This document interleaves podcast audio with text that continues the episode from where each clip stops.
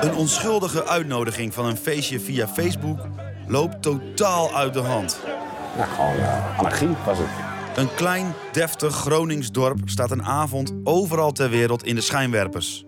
In de podcast Er is geen feestje gaan ik, Wouter Holsappel en Thijs Faber tien jaar terug in de tijd naar Project X Haren. Er is geen feestje, nou dan bouwen we zelf al een feestje. We spreken met experts, ooggetuigen, slachtoffers en een dader. Ik heb wel mensen de stuipen op het lijf gejaagd en daar heb ik wel spijt van. Er is geen feestje, te beluisteren in alle podcast-apps. We gaan naar voetbal, naar de FC. En dan is het uh, Jan van Dijk die het beslist. Ja, fantastisch natuurlijk. Is tegen Ajax of bij een oor. Roestak en het is 2-0. Juichen wij als FC Groningen weer scoort.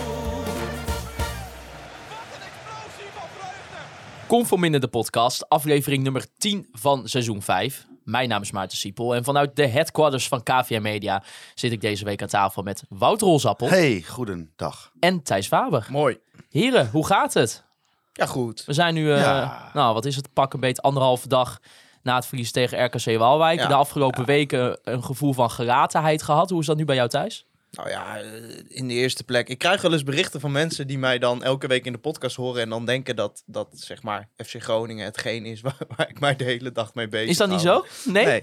Nou. Maar, eh, maar ja, dus eh, voor de rest, ja, ik heb genoeg andere leuke dingen. En ja, dat je dan elk weekend even op FC Groningen kan schelden is een mooie uitlaatklep. Dat denk ik ook. Hoe is Zolang het bij jou? maar schelden is en geen gelatenheid, hè? Nee, gelukkig. hè. Nou ja, zo'n uitslag als eh, eh, afgelopen vrijdag. Ja, ik, ben daar niet, ik sta daar niet heel lang bij stil, want het is natuurlijk een proces. Hè? Dus je moet niet meteen een kutgevoel hebben bij een slechte Nee, het, is, het is de bedoeling dat wij pas over drie jaar tevreden zijn, hè? Dat wij pas over drie jaar een goede wedstrijd Ja, dus over drie jaar... Deze Ja. vraag moet je even... Waarom stel je die vraag Ja, waarom stel je een vraag over de korte termijn, Ja. Maarten? Wat ben ja, jij? ja. ja. ik ben er een paar weken weer niet Het gaat toch pas over drie, jaar, om, over drie jaar? En over drie jaar ga jij excuses aanbieden voor deze vraag. Ik zal het doen. Ja, Ja, maar ik word wel inderdaad, zoals je nu misschien merkt, ik word, eh, dat is een beetje mijn eh, copingmechanisme. Als ik de dingen zie waarvan ik denk, nou, dat had ook anders gekund. Daar word ik een beetje cynisch van. Ja, nou, nu was het wel natuurlijk zo van tevoren. eh, Nou, Frank Wormoed zei het zelf, het was wel een must-win wedstrijd geweest voor, voor FC Groningen. Hoe was uiteindelijk de sfeer? Eh, ook na dat laatste fluitsignaal vooral. Ah, ik vond de sfeer op Noord sowieso tijdens de wedstrijd heel goed. En natuurlijk die super vette sfeeractie begon het al mee. Ja. Ehm, en ja, nou de wedstrijd. Ja, weet je wat het is? Wij zeiden dit ook tegen elkaar. Je hebt hier in principe niet zo heel veel aan eh, dat je nu met 3-2 verliest. Eh, maar dat je wel. Want je hebt namelijk geen punten. Ja, maar eh, ook omdat je, kijk, als je er nou met 0-3 af was gegaan, dan, dan had je misschien, dan hadden die spelers een beetje het signaal gehad dat ze echt niet goed bezig zijn, zeg maar. En, en ja, nu ga je 2-3 eraf en zegt iedereen, ja, ik betrapte mezelf. Ja, ja, wel in fases leuke dingen gezien. Ja. Maar het is natuurlijk het hele fundamentele probleem, los je er niet mee op met strijd en zo. Ja, het is mooi dat nu de basisvoorwaarden bereikt worden, maar eh, er zijn nog steeds zoveel vragen bij dit elftal. En, en eigenlijk de enige fase waarin het goed ging is als ze de tactiek laten varen. Nou, dat vind ik misschien nog wel zorgwekkender dan wanneer het... eh, Ja, want dat zeiden we tegen Met elkaar de tactiek op wel had op de tribune. Van door, eh, ja, we lopen meteen al lekker op de feiten vooruit. Maar doordat dat je natuurlijk met tien man speelt, is van het originele plan natuurlijk weinig over. En moet je heel veel op opportunisme gaan spelen. En dan ziet het er ineens gewoon, ja, gewoon bij vlagen best nog wel aardig uit. Ah, en je hebt natuurlijk daar twee spitsen voor inlopen. Kruger en Peppi die gewoon heel veel energie erin gooien. En dat, dat steekt wel aan in, aan het publiek. En dat zelf had je ook het gevoel van... Oh, nou ja, er wordt in ieder geval... eh, ja, en ook ze doen er alles aan. En- niet dat ze dat normaal niet deden. Maar je had nu echt het gevoel dat ze er alles aan deden. Maar tactisch is het echt hopeloos. Met name verdedigend. ja, dat is is wel echt, een probleem, ja. Maar dan kun je het erover hebben. Oké, man minder. Allemaal oké. maar eh, na 30 seconden stond RKC al alleen voor Frips. Hè? Ja. En dat heeft ergens mee te maken.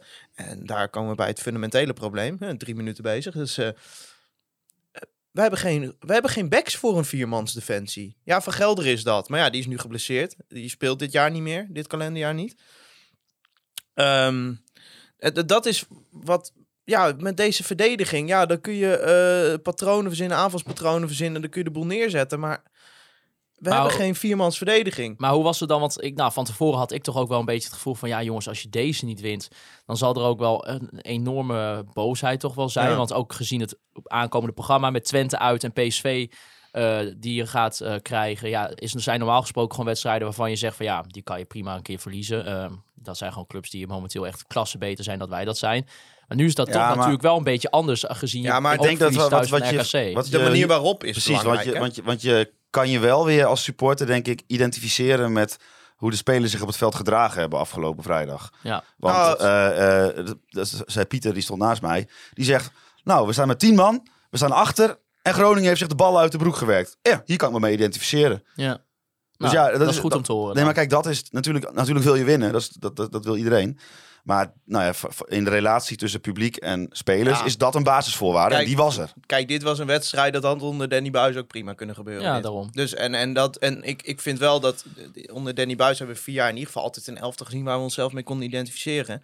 Eh, en dat had ik vrijdag Aan de ook bal wel. ook niet altijd, maar ja, trouwens. in het, in, het, in het grotere plaatje is dit natuurlijk gewoon, gewoon wel thuis verliezen van RKC. Nou, dat bedoel ik. Ja, het is een Ja. beetje dubbel, hè? En eh, er wordt natuurlijk enorm weer gewezen naar van, eh, nou, het was wel beter dan vorige week en zo. Maar ja, dat is ook een beetje de, de cognitieve dissonantie die je als supporter over je hebt. Dat je dan maar, omdat je gewoon wil dat het goed gaat, dat je alle positieve dingen gaat aangrijpen van, oh ja, maar kijk, eh, er werd meer gestreden en die Peppy is gewoon hartstikke goed. En, maar ja, als je gewoon nog steeds naar het hele plaatje kijkt, dan slaat het natuurlijk helemaal nergens op wat dit elftal aan het doen is. Gewoon voordat, tactisch vo- voordat we wat dieper natuurlijk in de wedstrijdmomenten gaan duiken. Het was inderdaad ook het moment van vijf jaar Noordtribune. Ja. Ehm, ja, misschien ook wel een leuk momentje om eens met elkaar erover te hebben. Van ja, die afgelopen vijf jaar, hoe hebben jullie dat ervaren met nou, eigenlijk gewoon een nieuwe groepering.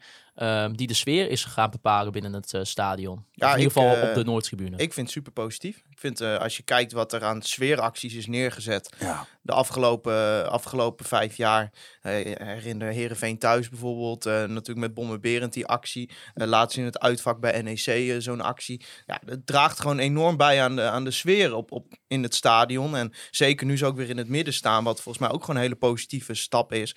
Ja, ik vind gewoon aan de sfeer zal het nooit gaan liggen bij Groningen. Nou, ik heb dus, eh, ben natuurlijk pas later dan het stadion ingekomen. Pas bij eigenlijk het eerste seizoen, zeg maar, dat we de podcast begonnen.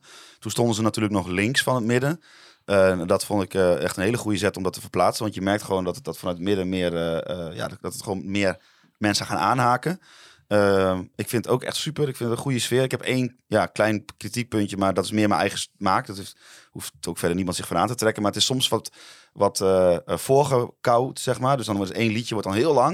En dat dan kabbelt dan een beetje. En het is dan niet zo vaak reactief. En ik hou wel van reactief, eh, reactief publiek. Ja, dus nou, misschien kan je een Maar dat- beetje, een maar dat- songtekst ook meeschrijven. Nou, beetje, ik ben niet zo'n songtekst schrijver, Nee? maar dat is gewoon een beetje, dat is gewoon een meer persoonlijke smaak. Ik, ik hou er niet zo heel erg van als, eh, als de, het spel kabbelt en, eh, je wordt, en er wordt tien minuten lang hetzelfde liedje gezongen. Dan denk ik van ja, het moet ook een beetje reactief zijn. Nou ja, weet je, die, die, die afgelopen vijf jaar is ongeveer dan ook wel een beetje in de rij waarin we ook natuurlijk met de podcast eh, Ja. begonnen zijn. Nee, en wat, ik, wat ik ook heel tof vind om te zien, en dat, daar hebben zij natuurlijk ook gewoon eh, een, ja, een enorme Absoluut. eh, indruk op gemaakt, is het ook bijvoorbeeld de uitwedstrijden. Eh, Ja. als je ziet bijvoorbeeld... Maar ook dat Noord tegenwoordig altijd uitverkocht is. nou, daarom. Ja. En, en Daar zijn zij wel Nee, ik, geef ook, ik geef ook echt een, eh, een 9 met een, met een persoonlijke kanttekening. Ja, maar ja, dat zijn de details, maar ja, je hebt ze wel nodig voor de sfeer. Ja, joh, nee, en, eh, geweldig. en- Maar ik zie, ja. want ik zie ook thuis, hè, ik bedoel, als we teruggaan naar ook bijvoorbeeld het eerste jaar dat wij eh, dat we de podcast maakten, dat wij ook heel veel naar, eh, naar uitwedstrijden gingen voor, eh, voor de coronaperiode. Zaten wij ook wel eens in de uitvakken, dan kwamen er nou, misschien 100, 150 man weer eens, Ja. denk ik. ik Nee, hè, die tijden zijn wel 70. echt voorbij. Als Ja, we nu er naar je- Sparta 300 meenemen, En dan zegt iedereen... bij Twente ga je richting de 1000. ja, als we er naar Sparta 300 meenemen, dan zegt iedereen, oh, dat is ook niet veel. Terwijl, dat was vroeger gewoon heel veel geweest. Dus eh, Ja. daar hebben zij zeker een belangrijke bijdrage aan. En natuurlijk zijn er ook andere factoren, maar voor de sfeer zijn zij wel echt eh, essentieel. Ja. Dus eh, Ja, ik ermee doorgaan. gefeliciteerd vanuit deze Ja. kant Ja. ook. Nou, En dan, bedankt. eh, Met het jubileum. En bedankt voor de mooie sfeeracties. Ja, deze was ook tof. dat er Jammer nog vele mogen Toch jammer dat er geen pyrootje bij zat. Hè? Mogen we dat niet zeggen? Eh, wij mogen dat zeker wij zeggen. mogen ik dat ben ook liefhebber van Pyro. Ja, dan eh, maar eh, toch naar de wedstrijd. Inderdaad, het was vrij snel dat, dat de RKC al bij, bij Verrips kwam. Ja. Ehm, uiteindelijk is het ook nog eens zo dat uit, nou, uiteindelijk de F Schoning dan op voorsprong komt. Nou, dat dan gelukkig wel Ja. weer. Elfde minuut kwam er een penalty waarbij de VAR besliste dat Thomas Soeslof naar de grond werd gehaald door Lutonda. Ja, natuurlijk eh, had die, Ricardo. had, had die blinde vogel het weer niet gezien, die van de Kerkhof. Maar ja, uiteindelijk Wat Ricardo Peppi. Goede penalty. Dachten jullie toen op de tribune van... dit wordt hem. We gaan eindelijk weer even lekker drie punten pakken. Mm, ik, ik vond ja, RKC niet denderend. Ik vond Groningen ook niet denderend. Maar ik had wel zoiets van... Als je nu scoort en dit gewoon professioneel met elkaar uitspeelt... dan kun je misschien 1 of 2-0 wel winnen. Maar ja, ik, had, ik, ik vond wel dat RKC wel weer vaak achter onze verdediging kwam. Ja. Die hadden tactisch eh, wel weer goed staan. Ja, maar we, we hebben het al eerder over die backs gehad. Je bent zo kwetsbaar. Gewoon één bal eroverheen kan fataal zijn. Ja, en drie ballen eroverheen is drie goals. Ja, ja dat breekt. En dan komt het rode kaartmoment. Ja, dat is gewoon heel onhandig. Heel veel eh, doelpunten of gevaarlijke momenten van de tegenstander bij FC Groningen komen voort doordat een, iemand van de laatste lijn van FC Groningen, en dat zijn vaak eh, de backs, maar in dit geval ook heel vaak Mike de Wierik, Ja. die laten zich verleiden om eh, hun positie te verlaten. En eh, ja, soms is dat natuurlijk goed om even door te dekken en die eh, keihard op de bal te gaan. Maar je ziet nu, als je alle doelpunten terugkijkt en je gaat kijken naar de positie van bijvoorbeeld Mike de Wierik bij de eerste kans na drie minuten. Die staat steeds van drie meter voor de laatste lijn. En ook Dankluis stapt heel dom uit. Ja. En ja, Ja, maar kijk, het, het is wel... Elke week wordt er eigenlijk een fundamenteel probleem binnen een selectie, zeg maar, exposed. We hebben tegen AZ kun je het op individuele fouten gooien. Het begint in mijn ogen gewoon bij de kwetsbaarheid van deze defensie. En dat probleem ligt... Nou, oké, Mike de Wierik is niet denderend, maar het begint bij de backs. En dan heb ik het niet over de individuen zelf. Maar ik heb even... Ik had wat voorbereid. Zo. Ik heb trouwens ook een beetje kriebel in mijn keel. Hoor je slokje koffie, jongen? Nee, kom maar goed.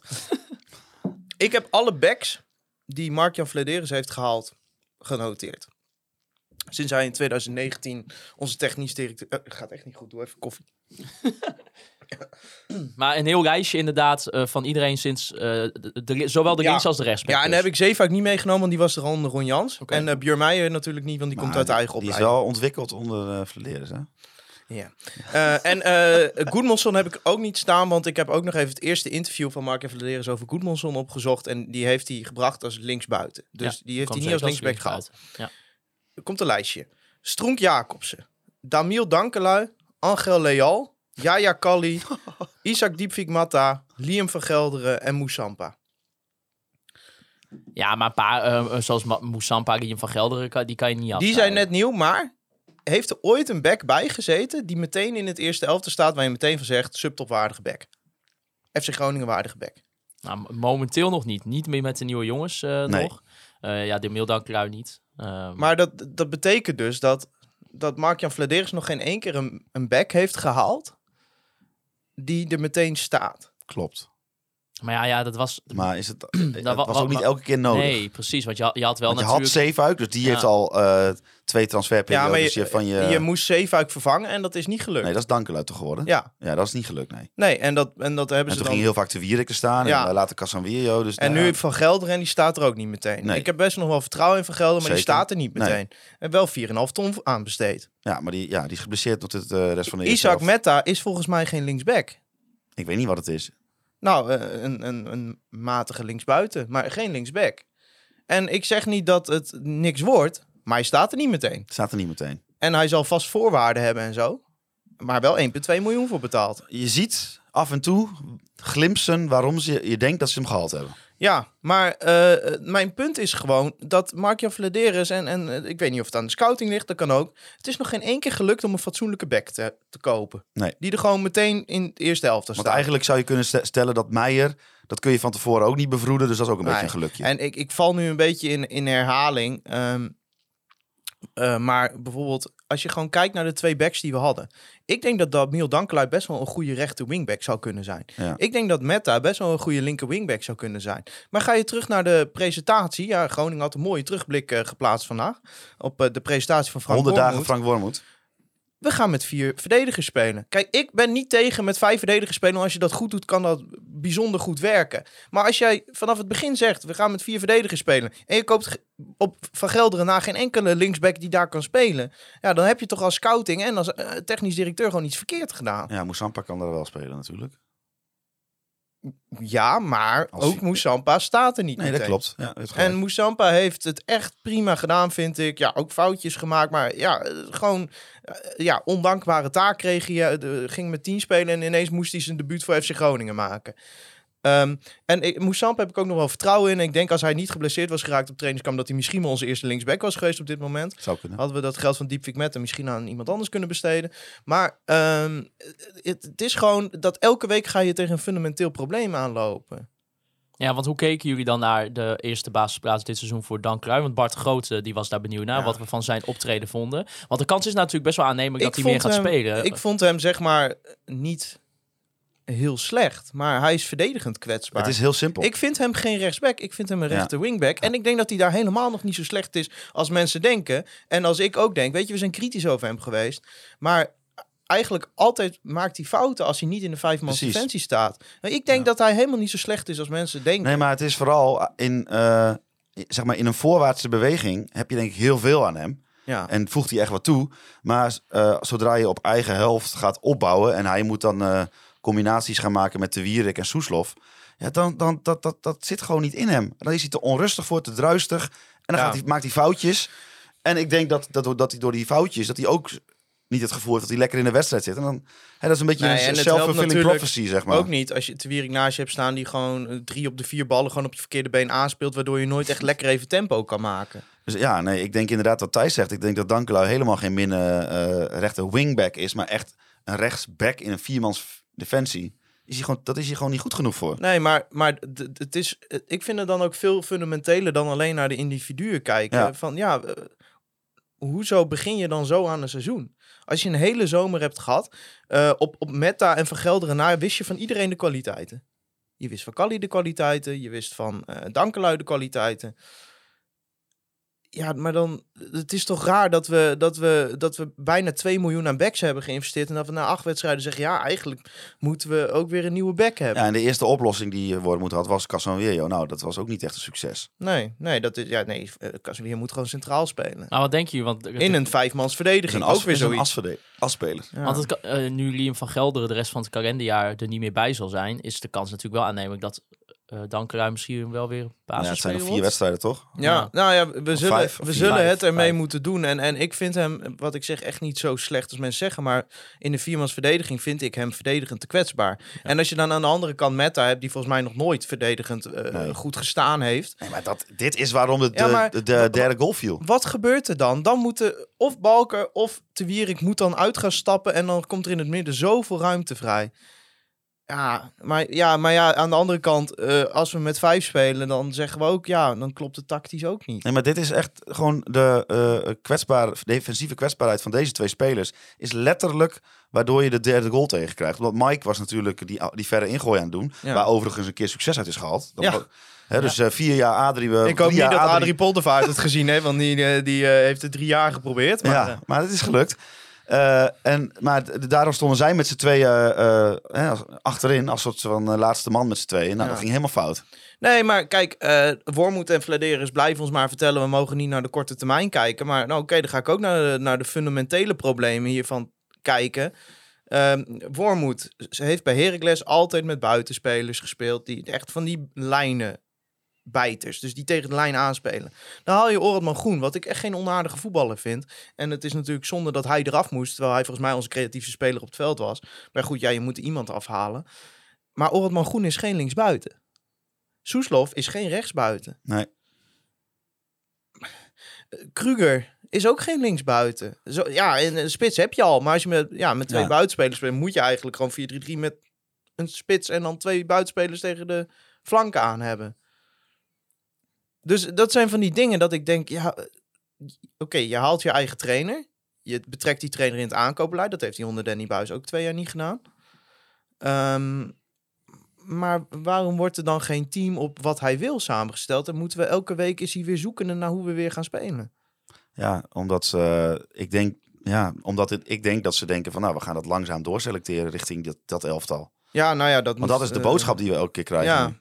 Ja maar ik, ja, ik, ik, vind het, eh, ik, ik vind het allemaal maar raar. Want ja, dan, dan doe je eigenlijk alsof deze 14 wedstrijden, alsof dat een soort verlengde voorbereiding is. Alsof dat 14 oefenwedstrijden zijn. Maar de kans is natuurlijk best aanwezig dat jij gewoon op acht, met acht punten onderaan staat in de winterstop. Als Ja, jij nog vier, nou ja, kijk- vier wedstrijden te gaan hebt, waarvan twee tegen Twente en PSV, eentje Emmen uit is. Ja, Ja, Utrecht uit en eh, Fortuna thuis. ja dus nog vijf wedstrijden. Ja. Ja. Ja. Het zou kunnen, ja. Het is echt geen onrealistisch eh, beeld. Maar ja, voor hetzelfde geld, dat is het... eh, voetbalwereld is natuurlijk zo opportun als maar kan. Voor hetzelfde geld win je bij Twente. Ja, maar, ja, maar zie jij daar aanknopingspunten Nee, ik zie geen aankomingspunten. Maar je weet, dan- je, je, ik vind deze, zeg maar deze, dit beeld wat jij schetst, vind ik ook helemaal niet onrealistisch. Maar ik zeg tegelijkertijd, voetbal is zo veranderlijk. Er Ja. kan maar zoiets in die groep gebeuren Ja, deze week. nou, dat, ik, dat- ik merk, we zijn enorm over die wedstrijd aan het heen lullen. Want er zaten natuurlijk wel goede dingen in. Ja, nee, dat- Namelijk dat wij gewoon een spits hebben gehaald die beter is dan degene die die vervangt, vind ik. ja, ik ook.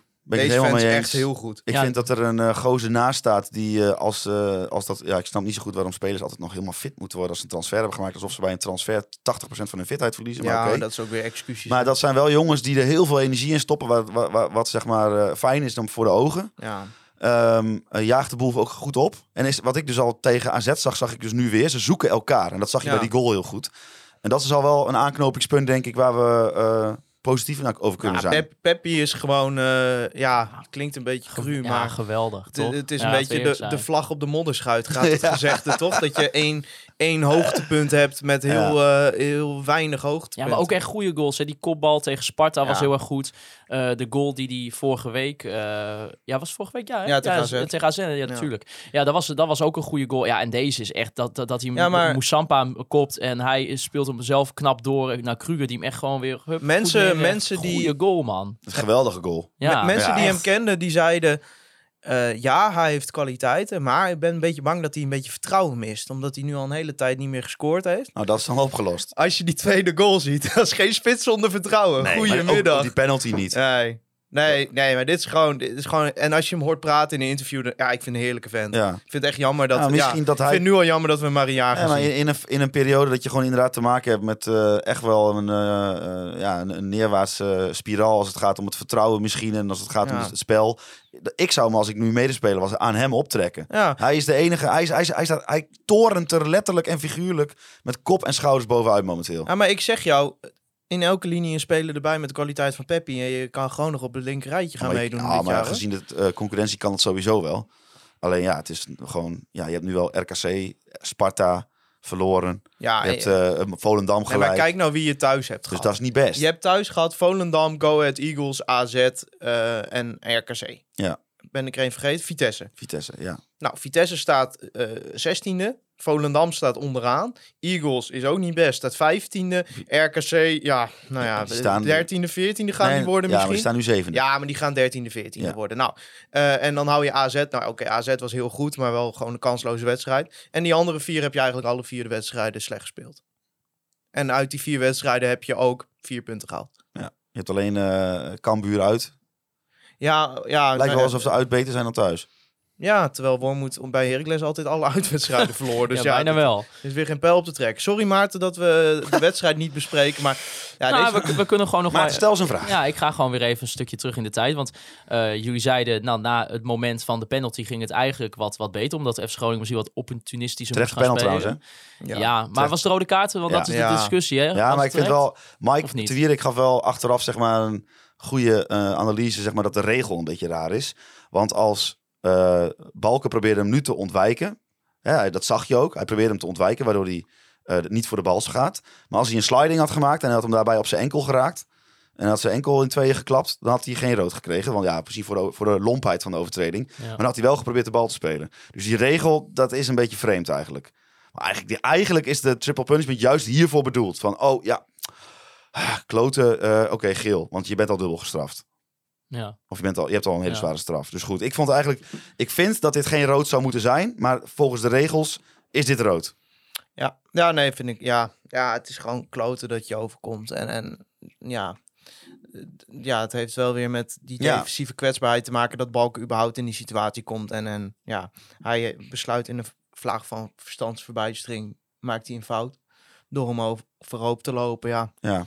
Ja, weet je, dat kan gebeuren, maar het is wel gewoon nu op, op dit moment eh, echt de hoek waar de klappen vallen op zo'n moment. Eerst staat 1-0 voor je, denkt nou, misschien kunnen we eindelijk weer een keer... eh, je merkte ook wel dat er een beetje vertrouwen in het elftal kwam. We zagen aan de bal in sommige fases best wel leuke dingen. Ja, en dan kan het eigenlijk alweer de prullenbak in. En dan kun je zeggen, nou, misschien, eh, Mi- misschien eh, hè, met 10. eh, vorige week Sparta kwam ook terug tegen RKC met 10. Maar ja, zo'n penalty gaat er ook meteen weer in. Dan is het al 1-1. En dan weet je gewoon, RKC gaat een keer erdoor komen met die defensieve kwetsbaarheid. Ja, nou ja, dan ook nog zo'n domme kut klutsgoal. Ja, en daarna kom je terug. En wat je daarna doet, dan moet je gewoon verschamen. Verdedigend, vind ik. Nou, om een beetje rust te brengen gaan we ook naar een mooi moment in de rust. En daarvoor gaan we naar de Ongarito Company moment van de week. Het Online Retail Company moment van de week.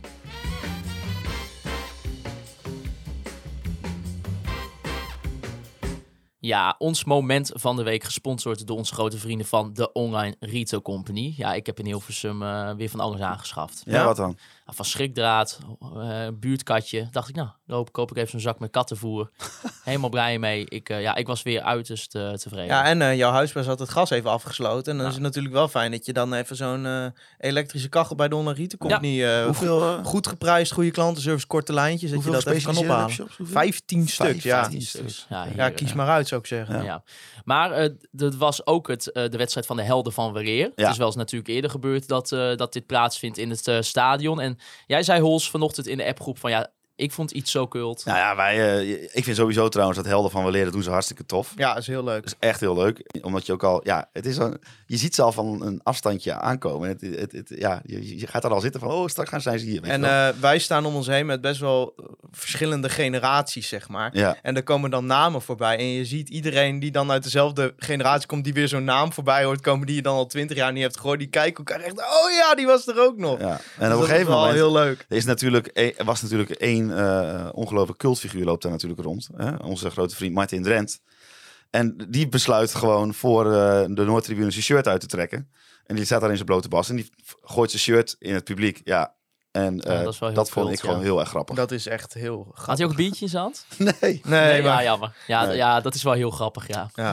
En hij kon er dit keer wel bij zijn. Dus dat is sowieso wel mooi voor hem. Maar dan lijkt me ook wel een beetje een aparte gewaarwording dat hij, dat hij dan daar met een onbloot bovenlijf... Hij Ja, maar hij die deed daarna zijn trui weer aan. Hij wilde gewoon zijn shirt. Ze hadden zo'n Oké, helden van oké. Weleer shirt ja, aan. Die ja, wilde ja. die het publiek Zag ik. ingooien. Ja. Ja. En dus, wel iemand, hij kreeg, daarna kreeg hij direct weer zijn eigen trui. En die deed hij aan. Maar gewoon, gewoon Ja, voor het moment. ja, ja. Ja. hartstikke cool. En eh, eh, Erik Nefland was er ook. Dat vind ik ook altijd mooi. Erik Nefland is natuurlijk qua spelers misschien wel de, de... Ja, die is gewoon de beste speler die daartussen liep waarschijnlijk. Ja, er waren En- een paar waar het geluid echt hard voor was. Ja, Sanko. Sanko, ook, Nefland. eh, ook grote speler natuurlijk. Nefland. Maar Nefland die loopt dan weer helemaal beschut achteraan daar ergens. Dat is moet je ja, echt zoeken. zo typisch voor hem. ja. Terwijl hij is gewoon de beste speler die daartussen liep. Er lopen daar spelers tussen die drie wedstrijden hebben gespeeld. En dat vind ik ook wel mooi dat die ook gewoon zijn uitgenodigd, weet je wel. Ik vond het jammer dat Danny Buis niet was. Had, ik ook, had ik ook wel komisch gevonden. Met dat boekje zo ja, ja. ja, nee, Oh, maar dat, is, eh, dat was mooi. Nou, mooi. Eh, dan eh, naar het doelpunt van, eh, van RKC, de 2-1. Ja, die viel ook wel een beetje lullig natuurlijk. In eerste instantie Ja. wordt, wordt Biret, de invaller, niet echt lekker aangespeeld. Maar dan vervolgens via, via Kruger. Ja, ehm, die die Kru- Kruger staat te slapen, Te Wierik staat te slapen, ja, en dan Verrip staat te slapen. en Lelyveld, die, die krijgt hem opeens toevallig daar. Ja. Dan word je toch helemaal gek? Wie wordt er helemaal Nou, gek? ja, jij, nou, jij, ik weet jou. Nee, ik had aanvaard. Nee, Ja? maar, ja, maar je wist gewoon... eh, Je zag die Biret, die kwam erin. En eh, nou ja, daar ken je de verhalen van. Die heeft in die Arsenal jeugdopleiding... eh, hadden ze op een gegeven moment geen papier meer over om al zijn doelpunt op te turven. Dan denk je, nou, die zal dus wel wat kunnen. En die zag ik al twee keer diep gaan. En ik denk, nou ja, die gaat ons de das omdoen. Ja. en eh, ja, dan hoeft hij maar één keer goed te vallen. En dan zie Ja, je... en eh, eigenlijk gaat dan alles fout. Hè? Want Mike Ja. werkt die bal weg. Die stapt in principe goed uit. Zet zijn poten voor en die bal komt bij je Ja, Kruger. Nou, maar die, maar kijk, Meta stapt niet mee. Anders had hij misschien nog wel buiten spel kunnen ja, staan klopt. ook. Maar eh, en vervolgens, eh Kruger neemt hem ja, verkeerd aan of die wil hem, wil hem meenemen. Nou, die bal schiet naar voren. En dan zie je alweer dat op het moment dat Mike die bal heeft eh, weggewerkt, dat hij vergeet om, om zich heen te kijken van waar is mijn te- directe tegenstander, want die staat achter hem. En dan heeft Thijs wel gelijk als degene, volgens mij was het aan de rechterkant Dankluif, aan de linkerkant Meta. Nee, Ik dat heb is het niet, Meta volgens niet mij. helemaal goed in mijn eh, geheugen. Als die meestappen, dan staan ze gewoon buiten spel. Maar ja, dat is niet zo. En vervolgens blijft Verrips blijft gewoon staan. Ik zeg niet dat hij hem had kunnen hebben als hij was gekomen. Maar volgens mij moet hij daar veel meer doen. Ja, om het die- ja, maar die, je verwacht die bal toch niet daar? Nee, klopt. Maar voor mij moet je op, op het moment dat die bal eenmaal komt, moet je wel veel meer doen om die aanvaller in ieder geval te laten schrikken van hé, ik sta voor je. En nou, bleef gewoon op de lijn staan. Het deed helemaal niks. Ik weet niet. Nee, ja, ik heb hem misschien wel. Ja, ik zag Ja, wel, maar ik- mensen stelden die vragen ook. eh, het is natuurlijk een, een, een, een, sa- een, een optelsom deze Ja. goal. Het is een optelsom van eh, drie spelers die het allemaal net niet 100% goed doen. En dan krijg je dit.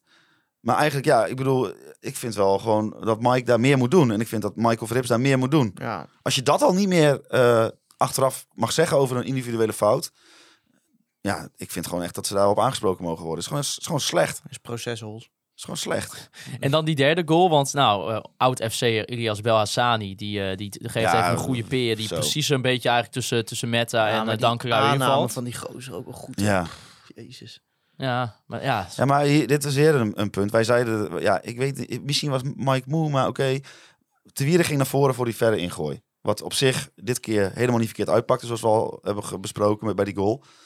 Ehm, en Thijs en ik zeiden nog tegen elkaar van, waarom, je, bent, je staat met tien man, ga eens terug. Ja, want hij, hij, liep, hij sukkelde een beetje terug, zeg maar, alsof hij moe was of zo. Dat kan, hè, als hij helemaal dood uitgeput was. Ja, of, en we weten ook niet wat de afspraken zijn. En misschien hadden ze afgesproken dat eh, bijvoorbeeld Pelopessi dan zijn positie in Ja, zou nou, nemen. maar dat was ook niet zo. Want dan krijg je dus Nee, het want- geval dat ja. twee gasten die eigenlijk defensief super kwetsbaar zijn, namelijk Dankelui en Meta, zijn allebei niet de beste verdedigers. Nee. Die moesten dat centraal zeg maar gaan doen. En je ziet gewoon dat ze allebei niet.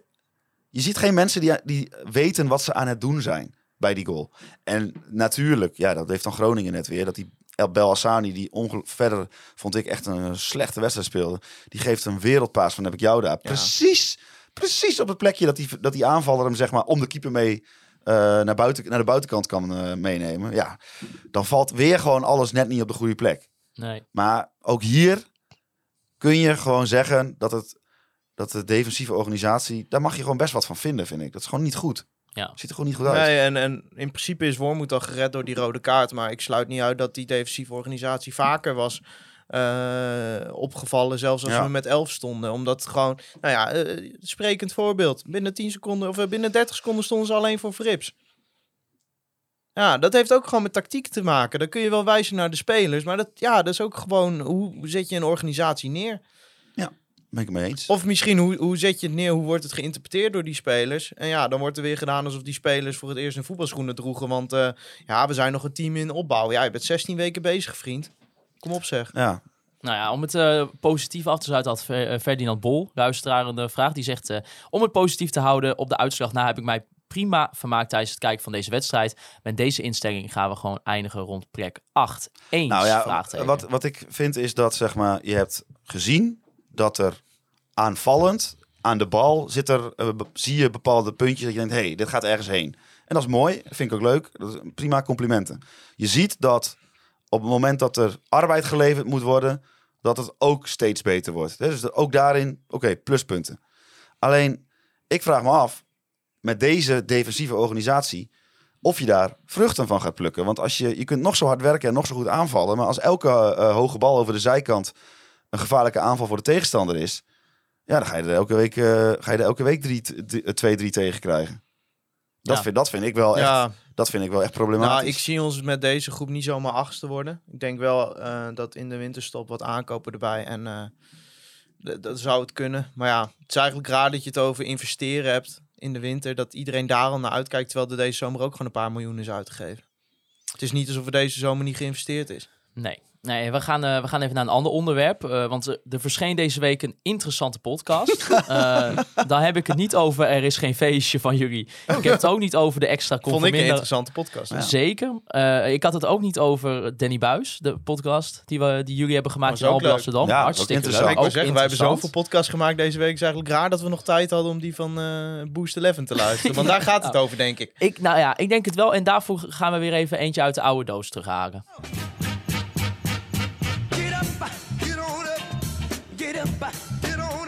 Ja, want in de Piet Honne van de week bespreken wij de persoon, instantie, eh, vaak ook een scheidsrechter. KVB is wel eens langsgekomen, de architect van het We AZ-stadion. hebben wel eens een land Ja, eh, tot Pidon van de week van uitgeroepen. alles. Het is, het is, eh, het is allemaal mogelijk. Ja, weet ik niet meer. Oh. Nee, daar moeten we even voor terug Eh, Heeft, maar, eh, eh, Rutger Ottens dat niet bijgehouden? nou ja, ik weet, hij Nee, houdt wel die de houdt alleen de voorspelling bij. Eh, sorry, Maarten, nou, ga ga door. Nou ja, en dat, dat kon natuurlijk eigenlijk maar één eh, iemand of één podcast zijn. En dat was eh, natuurlijk de heer Roderick van Kerkhoff Ja. van, eh, van de Boost 11 podcast. Ja, Oh, niet te veel azijn, hè? En wat, Ik, ik zou mij inhouden. Ja, Maarten, mij- ben jij depressief? Drink je azijn of heb jij er geen verstand van? Of alle drie? Nou, sowieso alle drie. Eh, ja, ik, eh, ja dit, wa dit was wel even een dingetje. Dit, Ja. je, Ja, want voor de duidelijkheid, de mensen die het niet gevolgd hebben, de zaakwaarnemer van Frank Wormoed, de hoofdtrainer van FC Groningen, die heeft een podcast. En in die podcast heeft hij, denk ik, 35 minuten eh, het Dagblad van het Noorden en de voet- en Voetbal International eh, bij persoon van Reon Boeringa. Ja, wat heeft hij gedaan? Geanalyseerd? Ja, Geanalyseerd. zoals hij dat zelf zegt. Dat is wel neutraal, hè? Ja. Geanalyseerd. Ja, En Via een luisteraar van ons kwam dat bij ons in Ja. de tijdlijn. ja en, en, En, dat, toen gingen we dat luisteren. ja, en, en dan, dan schrik je wel even. Maarten, wat, eh, wat wilde jij erover nou, zeggen? ik wist niet dat Reon eh Boeringa een affaire had met Danny Buis. Nee, dat was ik ook verrast door. Ja, want een van zijn uitspraken was... Hij heeft wel meer uitspraken gedaan. Maar een van zijn uitspraken was dat Reon Boerga verliefd is geworden op Danny Buis. Nou, ik heb het even nagevraagd bij Reon. Ehm dit is niet Zo Nee, hij, nee. hij schijnt nee. er een uitstekende relatie te hebben. Ja, ik heb even hoor en wederhoor gepleegd. Eh, natuurlijk ook even bij Danny Buis. En die zei ook van niks te weten. Dus eh, ja, Nou ja, dan gaan we hij zei, hij zei van... eh, nou, nou, dat zei hij niet, maar dat heb ik even vrij ingevuld. Te staan in zijn boek vertelde hij wel wat eh, dingen over relatieproblemen in het verleden. Maar dat ging niet over de clubwatcher van Voetbal International. Mooi. Nee, maar het is even belangrijk om dat... dat om zei hij niet, maar dat vulde ik voor hem in. Dit moet even worden benadrukt, inderdaad. Nee, maar inderdaad, als je kijkt naar het overzicht, hij, hij zei inderdaad dat journalisten die FC Groningen volgen depressief zijn, te veel azijn hebben gedronken, hebben er geen verstand van.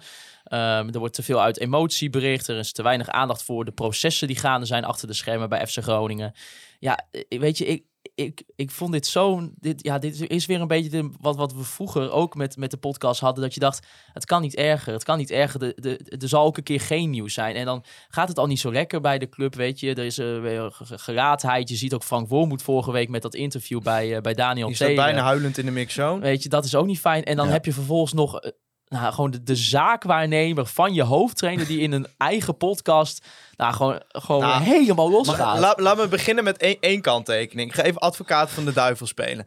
Als er een beroepsgroep is die in dit land niet zo heel goed tegen kritiek op hun eigen werk kan... Ja, wat ga je zeggen? ze- Wat ga je zeggen? terwijl ze dat wel eh, bij anderen ook doen, dan is het wel de journalistiek. Laat, laat ik dat... Ben, ik het totaal niet mee eens. Tij, eh, Maarten, Nee, nee, maar... Walgelijk. Nee, maar, Echt maar, walgelijk. maar, maar, het, het is wel eens... Ja, oké. En En Maar in deze context Ja. ging dat niet helemaal op, want wat, wat die man allemaal uitkraamde sloeg nergens op. Maar laten we dat Mag, wel ik- als mag, ik- mag ik mijn bottomline ook eh, zeggen? Nee, dat moet straks. Jezus, Oh. want dit is echt de meest eh, ongestructureerde... Wat zei hij allemaal? Hij zei namelijk... eh, ja, eh, wat die mensen niet weten, daar had hij het over journalisten... is dat eh, FC Groningen in de winterstop gaan ze kijken naar de spelers. Wie gaat er mee, wie gaat er niet mee?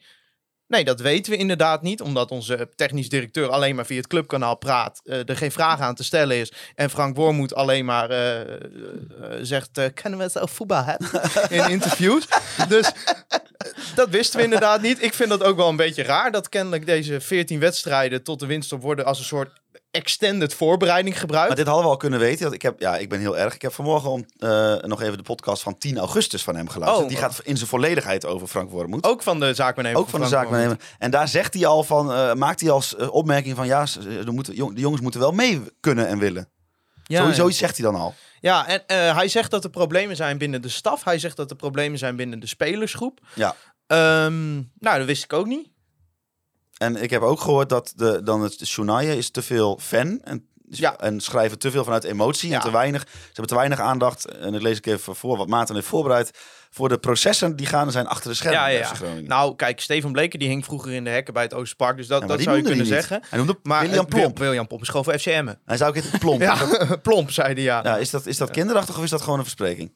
Ik denk dat het een verspreking is. Eh, nou, hij tagde hem daarna ook op Twitter. Vond ik ook mooi. Hij ging zijn eigen podcast ging hij op Twitter zetten. En dan tagde hij Ed William Pomp. Oh, heerlijk. maar ja. dan zei hij niet William Plomp. Oh, ja. Ja, maar, ja weet je, oké. Maar eh, los van wat hij allemaal zegt en, en dat ik wel, nou ja, Flederis had bij afkicken eh, min of meer gereageerd. Die had gezegd, nou, ik zie dingen wel wat genuanceerder dan deze zaakwaarnemer. Maar ja, blijkbaar mo- mogen wij dus inderdaad pas na de winterstop oordelen. Nou, zullen we dat vanaf nu ook doen. Geweldige wedstrijd vrijdag.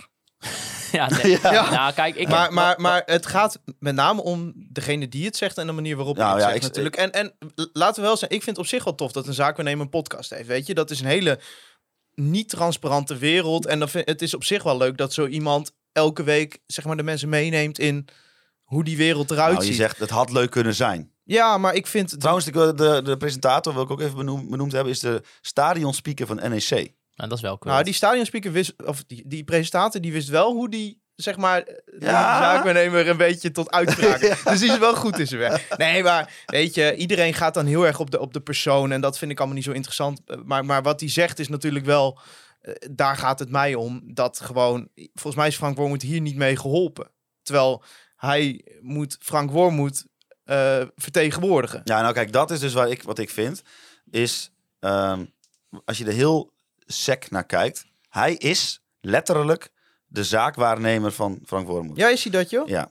Dus ik vind dan dat als je als buitenstaander daarnaar kijkt, dat als hij iets zegt over wat er bij FC Groningen gebeurt, dan kan Frank Wormoed honderd keer zeggen, ja, dat is op persoonlijke titel. Maar zo werkt het niet. Ja, maar, Want hij weet namelijk helemaal niks over FC Groningen. Als eh, Frank Wormoed, eh, nou noem eens iemand, die, eh, Jansen als zaakwaarnemer had gehad. Dan wist hij niks. Dus dan kon hij nu niks vertellen. Hij weet alles wat hij gezegd heeft, weet hij. Omdat hij de vertegenwoordiger op zakelijk vlak is van Wormoed. Ja. Nou, hebben we dat met elkaar geconcludeerd. Dan kan Worm- Wormoed dus niet meer zeggen... eh, het is op zijn eigen persoonlijke titel, Nee, daar heb ik niks mee te maar- maken. En ik vind dus, op, in dat opzicht vind ik... dat je niet eens meer hoeft te kijken. Hij kan best gelijk hebben. Ik bedoel, er zullen wel meer mensen vinden dat eh, William Pomp, Stefan Bleker, Rean Boerenga, wij, iemand anders, dat we zuur zijn, dat we negatief zijn, dat we azijn eh, hebben gedronken of dat we er geen verstand van hebben. Prima. Maar het gaat mij er eigenlijk om, wie zegt het? Oké, het is de vertegenwoordiger van Frank Wormoed. Dan is het al niet meer interessant wat hij zegt. Het is gewoon klaar. Nee, en, en eh, een van de problemen die ik ermee heb, en, en dat heeft hij zowel bij ESPN op camera als dat hoor je achter de schermen. Hij neemt er helemaal geen afstand van, want hij is het in grote lijnen gewoon met eens. ik ben, eh, en dat, dat, ja. vind ik, dat vind ik wel echt kwalijk. Ik en vind- zeker, ja. Ik- Ja, nou, ik vind het, ik, het interview eh, met Milan van Dongen bij ESPN voor, voorafgaand aan de wedstrijd tegen RKC Ja, vond ik... Kijk, op het moment dat je, ehm, dat je zegt als trainer, dat vind ik altijd een enorm zwaktebod van ja, zullen we het over voetbal gaan hebben? Dan verlies je altijd al het Nou, gesprek. en, en mag ik en dan... Milan ging daar zo goed ja, op, dat op wil ik door. zeggen. Mag ik Zo een compliment geven? Want het, het is super relevant. Het, is een, een, het gaat eh, nou, gewoon eh, relatief gewoon slecht nu momenteel met de club. Ook niet Ehm, relatief hoor. maar- absoluut ook slecht. Ja, maar, ja, maar kijk, eh, ik kan die, sommige dingen die worden gezegd over die hiërarchie. als je kijkt naar de, afgelo- naar de laatste zeven wedstrijden van vorig seizoen. Dan, ik vind, ik vind het grootste probleem niet eens zo de resultaten momenteel. Maar meer over hoe daar wel eh, bijvoorbeeld door Wormoed op gereageerd wordt. Bijvoorbeeld bij Daniel Tegen. Ehm, ja, van dat. eh, eh, en ook nog inderdaad in die, in die 100 dagen special. Dat hij aan het eind zegt van. eh, ja, als wij straks de tweede seizoen zelf er goed voor staan. dan hoop ik dat de mensen die nu kritiek hebben. dan hun excuses aanbieden. Maar dat is toch heel erg raar. Alsof je. Alsof. Als, als, als doet het supergoed. Dan, dan, ja, dan doet hij het goed. En dan is daar een proces goed in geweest. Maar momenteel is het toch gewoon kut. Waarom mag je daar dan niks van zeggen is- of het zo? is Dat niet is heel- toch. Het is niet heel raar. Het is compleet bezopen dat hij die uitspraak deed in die docu. Ja, vind Want ik heel raar. Het is niet persoonlijk. Nee, nee, jij precies. Het Nee, is niet maar- persoonlijk. maar- Het is juist op de inhoud. Maar wat is toch bizar? Nou, wij hebben dan eh, via de jongens bij Heracles hè, een beetje drie jaar, vier jaar meegekregen hoe die Wormoed was daar. Stabiel, genuanceerd, sympathiek. Als hij kritische vragen kreeg, ging hij er altijd op een grappige manier mee om. Waarop iedereen dacht, nou, hij heeft gelijk ook. En als je hem dan nu ziet staan, eh, hij lijkt wel gek. Eh, Het is gewoon, als je dat interview bij ESPN, dan wordt hem gevraagd naar die zaken nemen, dan zie je iets in zijn gezicht veranderen. En vanaf dat moment is het gewoon een dwaas. Maar, maar Nou, ik vind het heftige bewoordingen die je gebruikt, maar ik ben het wel met je Nee, eens. in dat is, eh, interview. Ik zeg niet dat het nee, überhaupt een gek nee, en een dwaas, maar, in Maar- dat interview. Maar dan denk ik van, eh, de beste man is in de 60, heeft alles al meegemaakt, is eh, assistent van Joachim Leu geweest overal, heeft eh, 20 jaar in de Duitse bond gewerkt. Waarom laat jij je door William Pomp zo kennen? Nou, door iedereen. En dat Ja, bedoel ik niet alleen, dat wil ik, dat wil ik, dat bedoel ik niet kleinzielig naar, naar Pomp of zo. Maar dan denk ik, nou, je hebt iemand eh, die een stuk geschreven heeft over dat mensen jou opa zouden noemen. Nou, ik vond dat al niet een heel journalistiek verantwoord Is niet, stuk. is niet waar, Thijs.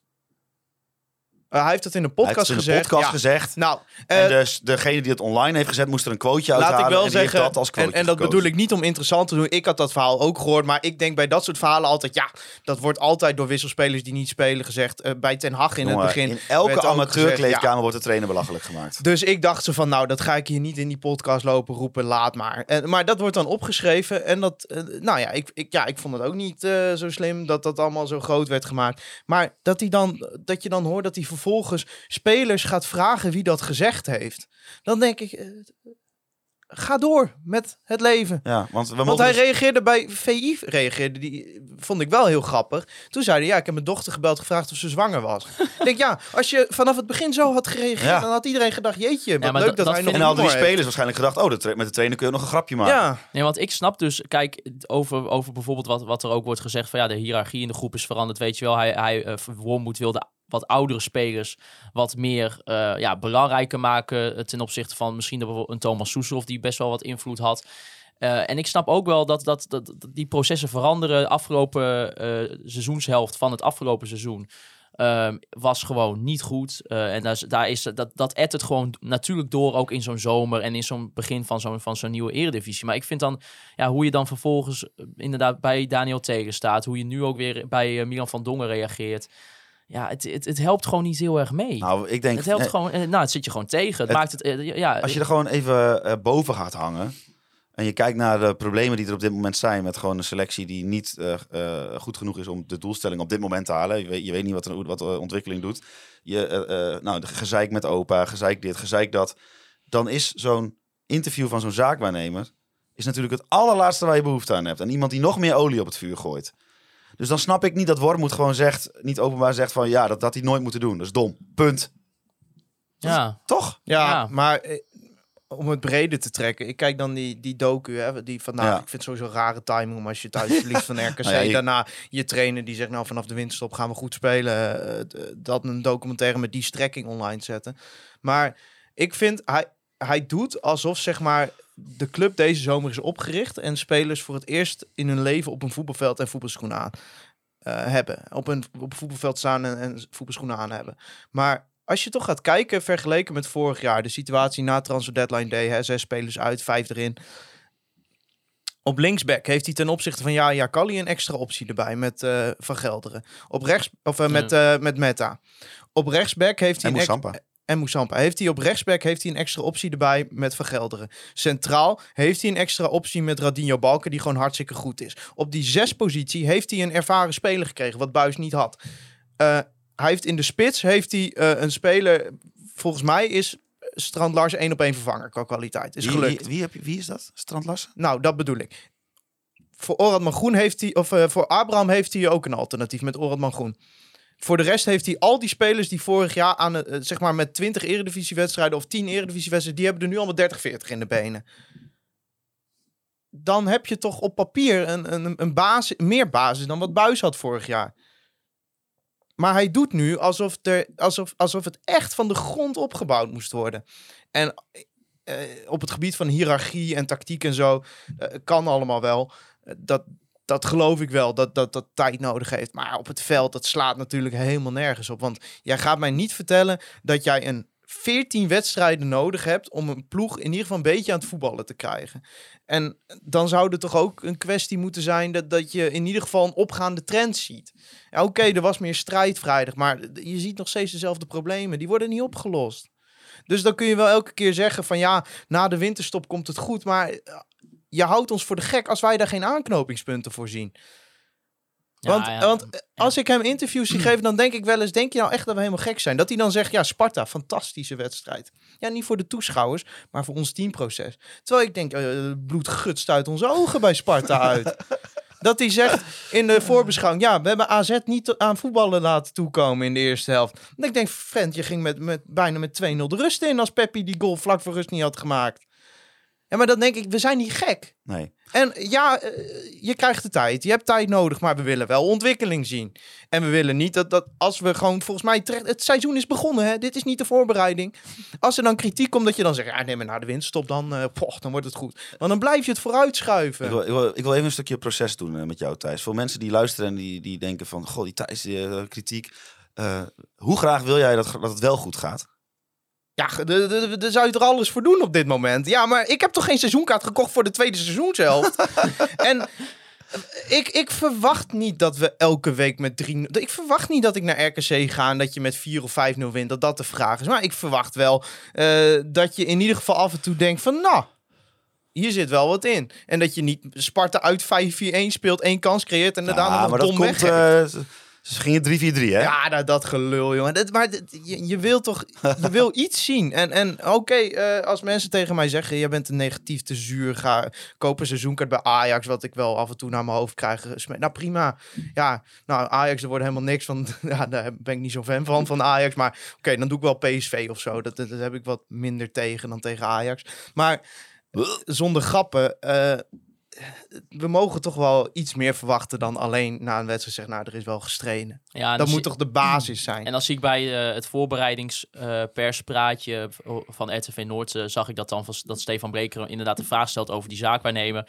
En dan wordt hij, on- wordt hij onderbroken van ja, nee, maar dat zegt hij wel op eh, persoonlijke titel, die, die man inderdaad. Maar, Maar dat is dat, niet dat zo. is gewoon niet zo. Nee, dat is gewoon met feitelijk niet Dat zo. is toch, Nou ja, je moet altijd oppassen dat je niet guilt by association gaat Ja, doen. maar in dit geval kan dat niet anders, nee, Thijs. want het is zijn zaak. Want het is een zaakwaarnemer. Ja. Hij heeft niet... eh, eh, eh, Zijn broer. Hij heeft niet Wouter Gudde gebeld. Van, Nee. nou, Wouter, vertel Nou, even kijk, hoe het als gaat. de, in als de broer van Frank Wormoed dit had gezegd, had je gezegd, ach ja, zijn broer. Maar dit is gewoon zijn zaakwaarnemer. Ja, maar- En zijn zaakwaarnemer die wordt kennelijk meer in processen meegenomen dan de eigen supporters. ja, en, Die en, krijgt meer te horen over wat de Nou, visie van de club is dan de eigen dat, supporters. dat vind ik, nog niet, ik vind het nog niet eens zo heel gek dat Frank Worm moet af en toe zijn zaakwaarnemer bijpraten over hoe het gaat nee, maar het is wel gek dat hij het in de Maar dat hij, het dan in de, Ja. hij dus de beslissing Ja. maakt om dat in de openbaarheid te gooien. Vind ik zo... Ja, maar er zit natuurlijk ook wat achter. Dat is niet zonder, dat is niet zonder intentie gedaan. nou ja, ja, weet ik. Maar kijk, ik, denk niet dat hij daar is gaan zitten en ineens gedacht heeft... oh, wacht, misschien ga ik on the spot dat bedacht heeft. Ja, en dan hebben we, wil ik nog wel een, eh, een uitkomst eh, eh, bespreken hierover. Want ehm, dan gaat hij dus de pers aanvallen.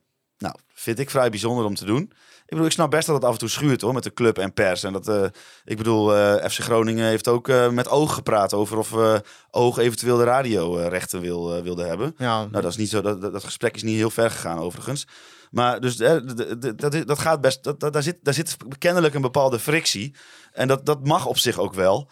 Alleen aan de andere kant hoort het ook bij managen en bij het proces managen. Dat je op een, tot op een bepaalde hoogte wel een relatie met elkaar eh, eh, in stand weet te houden. Want denk je nou echt werkelijk dat Stefan Bleken, William Pomp, Reon Boerenga minder eh, vervelend zouden kunnen, kunnen worden als journalist als je ze gaat aanvallen? nee. Nee, ja, sterker nog, ik, ja, Kijk, ik zeg niet dat ze dan. Kijk. ik, ik, ik zeg niet dat ze rancuneuze stukken gaan schrijven. Maar ik zou ook wel een beetje getergd zijn als, eh, als mijn eh, functioneren door de partij waar ik over schrijf, zeg maar, in twijfel wordt getrokken. Dan denk ik van nou, dan zal ik eens even laten zien wat ik kan. Ja, maar het is, ja, ja, het is, nou ja, ik, ik, ik, ik heb niet de ambitie ooit journalist te worden, Nee. maar eh, het, het, is, het is natuurlijk wel journalisten eigen om, als je zo wordt tegengewerkt, om dan alleen maar te denken, nou, dan kan je het krijgen ook. Ja. En het gaat er niet om of dat goed is. Dat, Nee. dat hoef je niet goed Nee, te maar praten. kijk- maar het gaat erom dat je in het grotere We geheel. moeten wel de het- nuance plaatsen, ja, dat af en toe, hè, en dat doen wij misschien ook wel aan mee, af en toe is, ja, het, het glas is wel vaker half leeg dan half Jongen, vol. dat is helemaal waar. Journalisten zijn ook hartstikke feilbare mensen. Die, kunnen, die maken genoeg fouten. Eh, ik, heb ook, ik maak ook wel eens items dat ik een paar dagen later denk van... Nou, had ik net zo Ja, niet kunnen doen. Gelukkig gaat het dan over een, een speeltuin in, Ah, eh, in, in het centrum eh, ergens die geopend wordt. Maar waar, waar we in een. Kijk, tuurlijk, journalisten maken ook fouten. Schrijven ook domme stukken, schrijven ook onzin. Eh, wij zullen ook wel eens iets zeggen hier waarvan ze intern denken Al van. wel nou, eens. heel vaak waarvan ze intern denken van. Goh, je moest eens weten hoe het echt zit. Ja. Dat zal bij Stefan en William net zo zijn. Maar het gaat er mij om in een wat breder perspectief, in een wat groter geheel. Dat zeg maar dat proces van hoe jouw club in de buitenwereld op papier, op beeld, op geluid terechtkomt, kun je ook beter managen als club. Ja. Wie daar dan van verantwoordelijk voor is, dat, eh, ja, dat geen idee. Wie, bij wie, wie dat dan zeg maar de eindverantwoordelijke daarvoor Nee. is. ja, en Wol moet dat Maar ik bedoel, als dit gebeurt, dan zeg je toch als, eh, meteen als technisch directeur van... eh, eh, ook naar buiten toe van ja, we willen niet dat de zaakwaarnemer van de trainer eh, even over onze interne processen gaat communiceren. Nee, dat we- had ik gedaan. Dat doen we zelf wel. Dus eh, dat doen we niet. Dat, doen we, dat was de laatste keer dat snap, jullie dat ook, zagen. snap ik niet dat Mark-Jan dat niet gedaan Dat heeft. vind ik, vind ik Nou, als ik Mark-Jan was geweest, dan was ik echt ziedend geweest hierover. Misschien ben Oh, je het er in, dat- in grote lijnen wel... En dat is hij ook. Dat het ook Denk je wel. dat? Maar, ja, ja, maar maar natuurlijk is Mark Jan ziet het. Op het moment dat die podcast online kwam en ze kregen de mensen in de club die dachten, god, ga je, denk je dat? dit nu zien? Ja, 100%. ik denk dat heel veel mensen het op mediagebied daar gewoon mee eens zijn, hoor.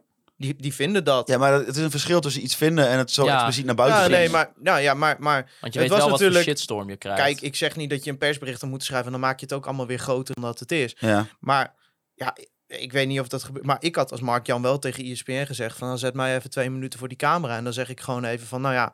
eh, eh, het klopt dat wij eh, met processen bezig zijn. En, maar het klopt ook dat wij op de korte termijn ook nog steeds willen presteren. En, ik Ja. vind, en hij zegt, dit bedoel ik niet van... hij moet hem er nu uitgooien. Maar ik vind het niet normaal dat een zaakwaarnemer zich zo over onze processen gaat uitspreken. En dat heb ik hem ook verteld. Als je dat Nou, gezegd en, Ja. ik, en ik denk dat Wormoed het ook makkelijker voor zichzelf had kunnen maken om gewoon te zeggen van nou, ik vind het leuk dat hij een eigen podcast heeft, maar dit was gewoon eh, gezien de situatie waarin we verkeren gewoon niet slim. Eh, en ik vind niet dat mijn zaakwaarnemer, ondanks dat ik hem, Ja. weet ik voor een goede samenwerking met hem, met dat hij dit had moeten Maar, doen. dan maar was de het zin, maar het de is dus- zin ik ben niet, het, het niet met alles wat hij zegt oneens, maar ik vind dat hij het niet had moeten zeggen. Dat is helemaal geen rare zin. Nee. Want, nou ja, kijk, dat, kijk, dat, Het is, gewoon dat- niet zijn, het is gewoon niet zijn rol om over FC Groningen uit te wijden. Nee, maar ik ja. bedoel, eh, eh, eh, Nou, hij mag dat Re- doen. Ik Reon bedoel- Boerenga die wilde laatst een speler interviewen. Nou, dat, dat kon dan niet. En waarom? Maakt ook niet uit. Dan ging de, ging de club zeggen van ja, we willen iets meer regie op wat we naar buiten brengen. En vervolgens, een paar weken later, mag de zaakwaarnemer van Frank Ja. Wormoed, mag zonder dat daar iets over gezegd wordt, mag gewoon alles, alles shit op straat gooien. Ja, Dat vind ik toch heel vreemd. Ja, nee, ja, maar ja, blijkbaar omdat het zijn zaakwaarnemer is, wordt dat dan niet En dat die geacteerd. zaakwaarnemer Stefan Bleken, William Pomp of eh, Reon Boerenga of ons eh, waardeloos vindt, ja, dat maakt toch niet uit? Hij nodigde wel iedereen uit bij hun in de podcast. Zullen we hem hier uitnodigen?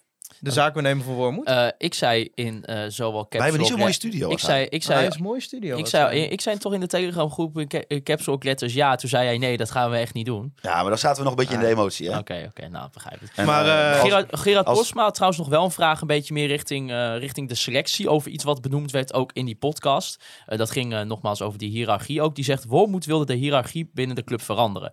Oude spelers zouden meer de leiding moeten nemen.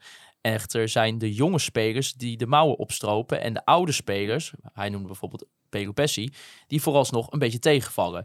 Vinden jullie dat er te weinig aandacht moet uitgaan, of dat er gewoon weinig aandacht moet uitgaan met betreffende tot de hiërarchie en dat je gewoon er moet van uitgaan van kwaliteit en intensiteit? Nou, ik vind het hier Eh, wel... bijvoorbeeld- ja, de, ja, sorry. Nou ja, ondanks de leeftijd, hij, hij zegt zelf bijvoorbeeld een Soeser of Oogmeer, een, een leider van nature dan een Pelupessi en Peppi neemt ondanks zijn leeftijd het team op sleeptouw. Nou, hier wil ik wel even teruggrijpen ook op die eh eh, zaakwaarnemer van Wormoed. Want die maakte nog een opmerking van... ze hebben er me- ergens een mening over... maar ze hebben nog nooit een groep getraind. Ja. Nou, eh, Thijs, ik, ik gooi je beroemde uitspraak er maar in. Over de kok. Oh, je hoeft geen chefkok te zijn om de- te weten dat eten niet lekker is. Klopt. Ik heb daar een alternatief op bedacht. Ik vind... Je hoeft geen tandarts te zijn om te weten dat je kiespijn hebt. Mooi. Maar ik vind deze vind ik wel lastig Deze eigenlijk. vind ik, die valt daar wel onder. Want over hiërarchie en zo. Wij zien één keer in de week zien wij ze spelen. ja. En dan zien we af en toe Soeslof iemand op zijn plek wijzen. En dan kun je zeggen, nou, Soeslof aanvoerder. Maar wij zijn er niet bij de hele week. We zijn, ja, wij, wij- ja wij, wij kunnen niks over de hiërarchie zeggen. En we moeten dan eh, professor Dr. Wormoed erin vertrouwen dat die, eh, dat die het wel weet hoe het moet. Nou ja, ja, dus ja. Ja, dit wel heel soort dingen lastig, denk ik hoor. altijd... Het enige waar wij op kunnen oordelen is... eh, als we misschien wat we horen rondom de club... en wat we daarvan zelf denken dat waar is... en nou ja, objectiviteit bestaat niet... en wat we Zien. zien, Ja. op het veld. Maar over hiërarchie, ja, dan denk ik altijd... ja, ja, dan kun je nu wel zeggen... nou ja, eh, die Pelupessi die is veel te lief voor de camera. Nou, misschien scheldt hij ze intern wel verrot. Dat weten wij toch niet? Nee. Nou, daar gaan we het eh, mee afsluiten. Maar eh, ik denk, wel je het jammer- mee eens, Maarten? wat? Wat, wat wij zeggen? Dat, ja, dat kunnen we niet zien. Ik Kunnen vind wij het wel jammer dat Ja. Pelupessi tegenvalt, man. Jij wilde wel iets van zeggen, toch? Nou, nee, ja, nee, Want ik vind, ik vind wel Pelupessi ja. echt super sympathieke gozer. Ja, super En ook voor de camera. Iedereen zegt ja, hij staat maar een beetje lachend voor de camera. Dat hoor je mensen wel zeggen. Maar ik denk wel van ja, maar als het straks goed gaat, is hij een top uithangbord. Ja, Pelupessi 100%. moet zich voetballend verbeteren. Maar ja, dat is nou een van die spelers waarvan ik denk dat komt wel goed. Nou ja, nou, het, was, eh, het was weer een heftig weekje toch eh, voor de FC eh, uiteindelijk. Ja, ik ben benieuwd wat we deze week weer allemaal in petto hebben voor Wie ons. weet, wie ik ga weet. wel woensdag de Boost 11 podcast even aanzetten. Ja, ik ook, ja. Hij heeft Die hebben wel veel nee. luisteraars. Ja, Ja, Ja, ik, ja, ik ja, zag ja. Op, op, die, op die video's van augustus heeft hij gewoon 20 weergaven. ja. Nou ja, dit, Ik denk dat hij nou wel iets meer heeft Ja, ja, ja. Uiteindelijk heeft die man, die, die is Maar- uit de laatste lachende, want eh, die raad. Want de, de, de Maar hele echt complimenten voor de vragensteller, hoor. Ja, die presentator van- was goed, Gerry ja. van Kampen, dat is wel Ja. eh, speaker van de Ja. NEC. eh, Ja, dat is dan ook wel Goeie cult. interviewer, goede interviewer. Mooi. Dan eh, nemen we, misschien kunnen we hem ook. kan hij ook een keer mij Dit, vervangen? dit, is, dit trouwens- is goed, hè? Afbreken en weer opbouwen. Ja, en wat ik ook, echt, Eindigen met wat ik ook echt mooi vond van eh, Roderick van Kerkhoff. Je zou bijna denken dat hij familie is scheidsrechter. Maar eh, Dat is van de kerk. Of... ja, dat weet ik. Maar dat hij dan klaar is met dat wormoedstukje. En dan gaat hij even vertellen dat hij met Michel Flap heeft gebeld. Ja, heerlijk. Met zo'n toontje van, die ken ik ook. Ja, Dat mooi. vind ik dan mooi. Mooi. Over Michel Frap gesproken, dat is onze tegenstander. Hey, Van, bruggetje. eh, ja, van aanstaande zondag. Want dan eh, speelt FC Groningen uit in Enschede tegen FC Twente. Nou, volgens de laatste update zijn er al meer dan 750 kaarten verkocht voor die uitwedstrijd. Wij gaan er ook eh, alle drie heen, dus dat wordt hartstikke gezellig. Ja, maar het wordt wel een, een wedstrijd waar ik van tevoren bang ben dat we misschien na 12 minuten al op 1-0 achterstand staat. Want, nou, eh, als het 1-0 is net 12 minuten, dan, eh, waar kan ik tekenen? ja, nou, FC Twente de, staat momenteel vijfde in de eredivisie. Verloor thuis nog niet. Verspeelde überhaupt geen punten thuis. Eh, er, werd, eh, er werd met 2-1 gewonnen van PSV. 3-0 zo weinig 3-0 zin van. Fortuna Sittard. 4-0 gewonnen van Excelsior. 3-0 van Vitesse. Nou, en wij zijn eh, volgende week aan de beurt. Ze, spelen Oh. van- ze gaan eh, vanmiddag eh, over de drie kwartier gaan ze aftrappen uit tegen Feyenoord. En ja, mochten ze winnen en zelfs PSV misschien punten verspelen in Heerenveen, dan staan zij eh, derde. En eh, als ze winnen bij Feyenoord vierde. En anders vijfde. Maar eh, ja, FC Twente doet het gewoon eigenlijk weer zoals het vorig seizoen was. hartstikke goed. Mm, Ja. ja, frustrerend goed. Jullie gaan erheen, hè? Ja. Jij niet? Jij hebt Nee, toch nee, nee, nee, Oh, nee. Jij bent op vakantie, toch? Ik Sorry, heb een, ik met mijn vriendengroep uit Dalfsen heb ik ook elk één keer in het jaar een weekendje naar een onbekende stad. Dus dat weet ik pas, ook pas volgende week. Nou, dit, is- ja. Zij spelen het voetbal dat wij willen spelen. Hoge intensiteit, hoge druk. Aantrekkelijk, veel doelpunten. Goede spelers. Ja, en het, en ze- het is gewoon fucking frustrerend dat je daar gewoon volgende week waarschijnlijk echt...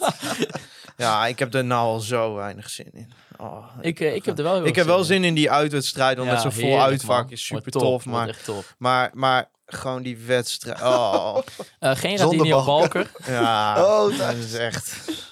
Misschien raakt er nog wel nog een extra speler geblesseerd. Je weet het niet. We Ja, hebben je niet moet zoveel. natuurlijk nooit met deze instelling gaan, maar ik denk dan, ja, doe het schriftelijk af. Dan blijft het, dan, dan blijft het in ieder geval nog bij 3-0. Ja, maar je eh, gunt het ze daar ook niet dat ze met 5-6-0 van ons winnen en het zit er gewoon in.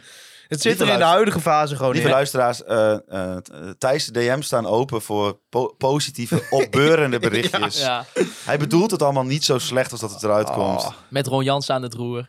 Heerlijk, man. Ja, maar Ron Jansen moet je wel gewoon echt enorme Ja. complimenten naar maken. Wat die man voor omslag in zijn carrière heeft doorgemaakt door gewoon in te zien dat hij het misschien tactisch niet meer briljant kan bijbenen. Daardoor een assistent, een aantal assistenten toelaten die het gewoon tactisch voor hem goed kunnen neerzetten en hij de boel bij elkaar kan houden. Ik heb daar echt alleen maar respect voor, voor eh, Ja. de trainer Ron Jansen. Dat is echt, eh, daar kun je niks anders van zeggen. Nee, ja, Twente ja, hij heeft het heerlijk voor elkaar. Ik bedoel, eh, ze, ze gingen dan uiteindelijk niet door naar een groepsfase van de Conference League. Omdat ze verloren van, de, van Fiorentina in de voorbereiding. Maar ja, voor de rest, die ploeg is lekker intact gebleven. Ze zijn eigenlijk helemaal geen key players kwijtgeraakt. Maar dat is natuurlijk voor een trainer al super fijn. Ja, ze zijn dit seizoen wederom gewoon weer goed begonnen. Dus eh, ja, ik, nou, gezien wij niet echt in een lekkere vorm zijn, zacht uitgedrukt, eh, ja, ben ik er bang voor. En het is niet erg dat je hem eh, Twente uitverliest, want dat hebben we de afgelopen jaren wel vaker gehad. Alleen, Het komt wel op een vervelend moment. ja, het is, weet je, normaal gesproken zeggen van ja, had Twente, ik zei het eerder, Twente uit, verlies je prima. Weet je, PSV win je soms misschien wel eens, weet je, in de Euroborg. Maar als je die verliest, hebben we volgens mij al niet tien jaar erg. niet meer van gewonnen in de Euroborg. Maar eh, ja, weet je, het is, het is eh, gewoon in deze situatie, weet je, als je RKC had gewonnen, had je zelfs misschien nog kunnen zeggen, ja, maar ja, die verlies je ook thuis. En eh, inderdaad, wat, wat passie en strijd gezien, maar aan de eindstand eh, is de kans vrij aannemelijk dat je gewoon nul punten pakt in die twee Vindt wedstrijden. Twente ze- uit zet ik altijd in zo'n rijtje met Utrecht, Vitesse uit. Dat zijn wedstrijden die verlies je eigenlijk altijd. Ja, en, ja, maar nu is, het wel, nu, is, nu is het altijd wel extra zuur. Vorig want- jaar niet tegen Utrecht. Nee, klopt. Ja, ja maar dat is, dat is weer een spreekwoord. Hè. We blijven bezig. De uitzondering die de regel bevestigt. Maar ja, het is, het is, het is nu gewoon niet, eh, niet lekker. Gelukkig hebben we tussendoor nog eh, Dordrecht uit. Dus, eh, Even vertrouwen tanken aan de Kommerdijk. En eh, gewoon eh Balker één op één vervangen met Moussampa? Of uh, Casemiro? nou, ik zou Casemiro doen. Of Casemiro en Moussampa? Nee, hij zou wel gaan voor uh, Te Wierik en uh, Casemiro dan toch? Het ligt eraan of Casemiro ook van zijn ziekte terug is. Hè? Die was ziek natuurlijk Ja. eh, vrijdag. Ja, oh, ja, een weekje. Moet wel kunnen. Laten we er in ieder geval van uitgaan dan. Thijs, ik wil toch uh, kijken. Dit is, uh, er zijn veel dingen in het leven zijn onzeker. uh, ja. Gelukkig, ja, gelukkig is het heb je iets... wel altijd één ding wat wel heel erg zeker ja, is. Dat zijn natuurlijk... Het zijn onzekere tijden. Ja. Maar de boekhouding van KVM Media, het conglomeraat wat boven deze podcast hangt, dat is wel zeker. Het kan niet makkelijker. Het is zoveel makkelijker. Het is zoveel makkelijker, Want dat hebben wij ondergebracht bij Toupé natuurlijk, Ja. onze boekhouding. En uh, ja, dat is uh, voor iedere ZZP'er zou ik zeggen een aanrader. Je gooit gewoon je factuur en je, en je, en je inkoopbonnetjes over de brug. Over de schutting bedoel ik. En ze doen alles voor je. Ja, Het wordt gewoon opgelost. Eh, je moet af en toe, eh, elk kwartaal moet je even een vinkje aanklikken en dan eh, is de omzetbelasting weer aangegeven bijvoorbeeld. nou ja, dat Ja, is het dan- enige wat ik kan zeggen. Ik, eh, ik heb laatst een diepte-interview gehad met Toupé. Dat kunnen de mensen teruglezen op de Instagram van Toupé. En eh, ja, zoveel makkelijker. Mooi, ja, dat, dat, kijk, dat is dan wel een zekerheidje. Voorspellingen zijn natuurlijk nooit een zekerheidje. Maar als ik jou zo proef, dan heb ik toch het idee van... Nou, Thijs die heeft hem al ingevuld, het zekerheidje. Dit wordt eh 3-0 Ja, voor Twente. ik ga, ik ga maar tegen wat, Twente ga ik niet voorspellen dat we daar met 3-0 verliezen. Dat kan ik mezelf niet, niet eh, over, over mijn hart verkrijgen. Nee, nou, Dus wat wij wordt gaan, eh, we gaan 0-0 gelijk spelen in de goalsvesten. Puntje in de goalsvesten. Eh, Wouter Rosappel, wat, wat gaan we doen, jongen? Heb jij, heb jij er wel een beetje dat je denkt van... Nou, misschien is dit juist wel zo'n wedstrijd... Dat, we- dat we het kunnen gaan kantelen als ploeg? Wat, wil je dat ik zeg wat ik denk? Of wil je dat ik gewoon even een positieve noot kraak? Beide. Oh, dat kan niet. Oké, nou, geen- da- dan wil ik gewoon wat, wat er op je hart ligt. Want dat is wat het dat gaat, belangrijkste. eh, gaat, gaat een verschrikkelijke wedstrijd voor FC Groningen worden. ja, ja. zeg maar. Eh 3-0 voor Twente. 3-0. Ik ga hem wel positief. Nee, nee, nee. nee. Ik, ik ben er weer lekker bij in het uitvak. Eh, dan krijg ik me een uitstekend moment om eens even dat, eh, een keerpunt in de competitie te brengen voor ons. Eh, ik ga zeggen dat wij eh, met 0-1 gaan ja, winnen. nee, ik, ik, ik, Ricardo Pepi. ik, ik, wa- ik was te snel. Ehm, Ricardo ik, ga ook niet. Ik ga, doe het met Thijs mee. Ik ga niet voorspellen dat. Dat ga, ga- kan ik ook niet over mijn hart verkrijgen. Nee, Dit wordt 1-1. nou ja, we gaan het zien eh, Thijs. Ik heb hartstikke veel zin om met jou naar de Golfsvesten af te reizen. En eh, ja, ik hoop dat we er een beetje gezellig eh, uitkomen ook met z'n tweetjes. Maar ik ben er bang voor. Nou, we gaan sowieso... eh, Het wordt sowieso gezellig. We gaan sowieso een leuke dag hebben. Ja. Het is jammer dat er Ja. gevoetbald De wordt. pendelbus hooligans gaan weer los. Eh, waar, vanaf waar gaan we ook alweer? eh, ja, een of ander Holten of zo Holten. vertrekken we. Ja. Nou, Ja, geweldig. dat is eh, in eh, mijn oude regio. Nou, Oh, nou. heeft, heb je nog een leuk Ik had wel gezien... ver nog ja. Holten Enschede is gewoon een half uur, hè? Nou ja, met de gewone auto, ja. Ja, en met de bus gaat dat natuurlijk gewoon drie kwartier Ja, zijn. want je weet alweer, dat ze, ze gaan waarschijnlijk weer via Zwolle, ja, ja, we gaan, nou, dan naar Arnhem en dan pas naar Enschede. ik heb er alweer zin in. Maar ik ben wel blij dat we met een vol uitvak gaan. Heerlijk man. Ja, hopelijk eh, laten we... oh, mocht je nog geen kaartje hebben, ik zou zeggen, ga vooral heen. Want er stond nu op 750 plus. Dus eh Lekker man. het wordt een heerlijk uitvak. Dordrecht ook mee Dan, trouwens eh, allemaal. En massaal zeker. naar Dordrecht. Ga ik Dordrecht. even een weekendje weg en dan ga ik tijdens dat weekendje ga ik ook, ook alvast even nadenken over, Over mijn, over mijn excuses aan Frank Wormoed voor, na- voor naar de winterstop. Want dat heeft hij wel verdiend natuurlijk. Zeker. Ik, eh, ik denk dat het verstandig is dat je dat doet. Jullie kunnen Conforminder de podcast volgen via Spotify, Apple Podcast en Google Podcast. Ook natuurlijk via onze social media kanalen. Facebook, Instagram, Twitter. Volg ons allemaal. Je kan mij persoonlijk volgen op Twitter. Maarten, Siepel. Natuurlijk Wouter ook. Holsappel. En Thijs, Thijs, Faber. Ik wil natuurlijk Andy Zuidema bedanken voor de foto's die wij mogen gebruiken van hem. De Online Retail Company en Toupé voor het steunen van Conforminder de podcast. Net als onze Petje.affers natuurlijk. Ik heb trouwens genoten jongens van eh, met Bas Kammerga erbij. De maan met masker. Ja, moeten we Vond ik- vaker doen, hè? Ja, dat was wel... Dat een leuke eh, mix. Even 65 jaar FC Groningen ervaring Heerlijk, aan tafel. Ja, nee, beviel mij zeer. Mocht je nog tijd over hebben en denken, ik wil nog een extra podcast luisteren, dan staat ook nog natuurlijk de podcast met Danny Buis online, waarin jullie in Alblasserdam gingen praten over, eh, ja, eigenlijk van alles. Over, Was leuk. over Danny Buis, Ja. over het boek natuurlijk. Ik heb het boek nu half uit. Ik vind het echt, echt een leuk boek. Mooi. Ja, ik ga hem ook nog aanschaffen En ik krijg Hilversum. geen geld voor. Nee, nee. Je En eh, ja, ik, ik, ja, ik als luisteraar, het is natuurlijk een beetje makkelijk om dat eh, zo hier te zeggen in de eigen podcast, maar ik was er natuurlijk niet bij. Ik was, ik was blij met wat, wat Danny Buis vertelde. Ik vond hem open, kwetsbaar, lachen, leuk. Ehm, ja, ik vond het wat relaxed dan dat, dat je hem misschien soms zag bij FC Groningen. Het is een Eh, beetje mag- ifonie mogen we hier- begint dit te worden. mag Unaniem belachelijk Mag ik hier nog iets over zeggen? Ja, Nou, zo, eh Ferdy en Danny hadden bij die presentatie gezegd van we houden het kort. Hè? Want eh, zo- zo'n boekpresentatie moet niet te lang duren. En Danny die begint te, eh, te, te Ja, praten. die maakt een en enorme die gaat, fout. Die gaat, begint iemand persoonlijk te bedanken. Ja, en en dan- toen dacht hij van, Dan moet de hele maar dan moet iedereen. Dus die heeft daar drie kwartier, iedereen die in die zaal was persoonlijk bedankt. was Waaronder ons ook. Ja. die, ja, eh, de jongens van de KVM-podcast. Ja, hebben we net We weer hebben de beste een, eh, man drie keer gesproken. ja, hebben, we- hebben, we, hebben we net een eh, hele leuke podcast opgenomen. Dat ik denk, ja, we hebben inderdaad net een hele leuke podcast opgenomen. Maar verder zijn wij niet heel belangrijk Zijn in jouw hele leven. Danny. familie die al, die al 40 jaar hem steunen, werden bedankt. En wij, Wij ook. ook. Mooi. ja, ja. hoe, hoe was die kantine van Alblasserdam? Nou, toen we- qua geluidskwaliteit niet eh, best, Nee. maar het was Nee. een hele gezellige kantine. Ja. VV Alblasserdam, leuke club. En eh, toen en wij daar binnenkwamen, toen was die kantine helemaal nog leeg. En er Oh. stond dan een tafel. Ja, we hebben dit in de podcast met Danny ook al verteld, maar goed. Nee, maar ja. Ja. En we komen daar binnen en, en er was nog niemand. Dus ik, wij waren met Ferdi en Ferdi's vrouw. En eh, we komen daar binnen en, en er staan er allemaal van die boeken. Maar daar staat zijn hoofd natuurlijk op. En er hingen van die gesigneerde shirts van hem. Maar het was net een soort altaar. het was, dus wij vroegen ons af waar, waar, waar de kist zou komen Ja. straks, zeg maar. Ja, en wat, ook nog, wat ik ook nog een heel grappig verhaal zelf vond. Hij had volgens mij of de voorzitter of iemand van eh, de Kozakkenboys uitgenodigd om dat allemaal te leiden. Ja, En eh, die komt binnen met zo'n, nou, nou, die, dat zie je direct, met een lijst waar iets in zit. ja. In eh, pakpapier, zeg maar. Maar die zal binnenkomen en die ziet daar al drie shirts in zo'n lijst. Dus die zal gedacht hebben, ja kut, ik ga zo meteen niet... ja, ehm, waaronder een van. Kozakkenboys. Dus die zal bij zichzelf gedacht hebben van... Ja, ik ga niet eh, zo meteen daar voor lul staan... dat ik Danny een shirt geef van Kozakkenboys... terwijl daar al een shirt van Kozakkenboys staat. Dus op een gegeven moment was iedereen was in die, eh, in die eh, kantine... en hoorde ik in de bestuurskamer hoorde ik zo... Toen was hij dus dat papier van, van die lijst aan het aftrekken. Oh, en toen heeft hij heel sneaky heeft hij die lijst ernaast gezet. Ja, Ja, geweldig. twee shirts van Kozakken Boys. Ja, ik Oh, vond dat zo geweldig. Ja, grappig. dat was echt... eh, oh, Oh. jongen, jongen. Nee, dat was, dat was, dat was een mooie middag. Ja, Mooi. ook gewoon... eh, ja, iedereen heeft zich ook verbrand aan de koffie van VV Alblasserdam. Dat Oh. dus- je kreeg een soort stomende motorolie in de kop. Ja, ja dat is super gasvrij allemaal. Ja. Heerlijk. Maar, maar dat werd dan tot de rand vol gedaan. En dat werd dan zo in het plat Rotterdams. Ja, ik ga dat niet lopen imiteren, want dan eh, zet iedereen het meteen af. Maar eh, dat werd dan zo voor je neergezet van... eh, kijk uit, het is wel een beetje heet, hè? ja. Geweldig. Ja, ik heb met verbrande Oh. derde graads brandwonden. Zat ik weer in de auto terug naar Groningen. Nou, eh, ga dat luisteren, zou ik zeggen. Nou ja, Jammer eh, dat jullie er niet bij waren. Dat was echt hilarisch.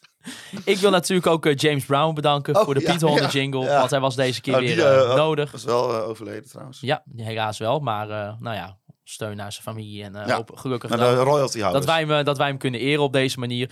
Eh, ik wil natuurlijk ook Free Westerhof en Mark Pepping bedanken voor onze prachtige intro en